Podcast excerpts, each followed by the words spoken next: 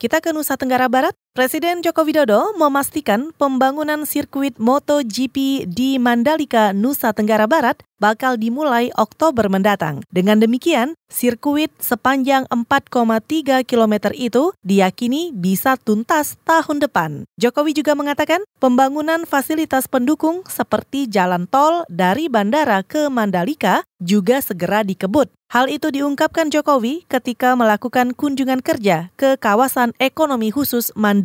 Kita juga ingin segera fasilitas yang berkaitan dengan MotoGP 2021 itu juga segera dikerjakan. Airport sudah, jalan sudah, penetapan lokasi sudah, penlocknya sudah.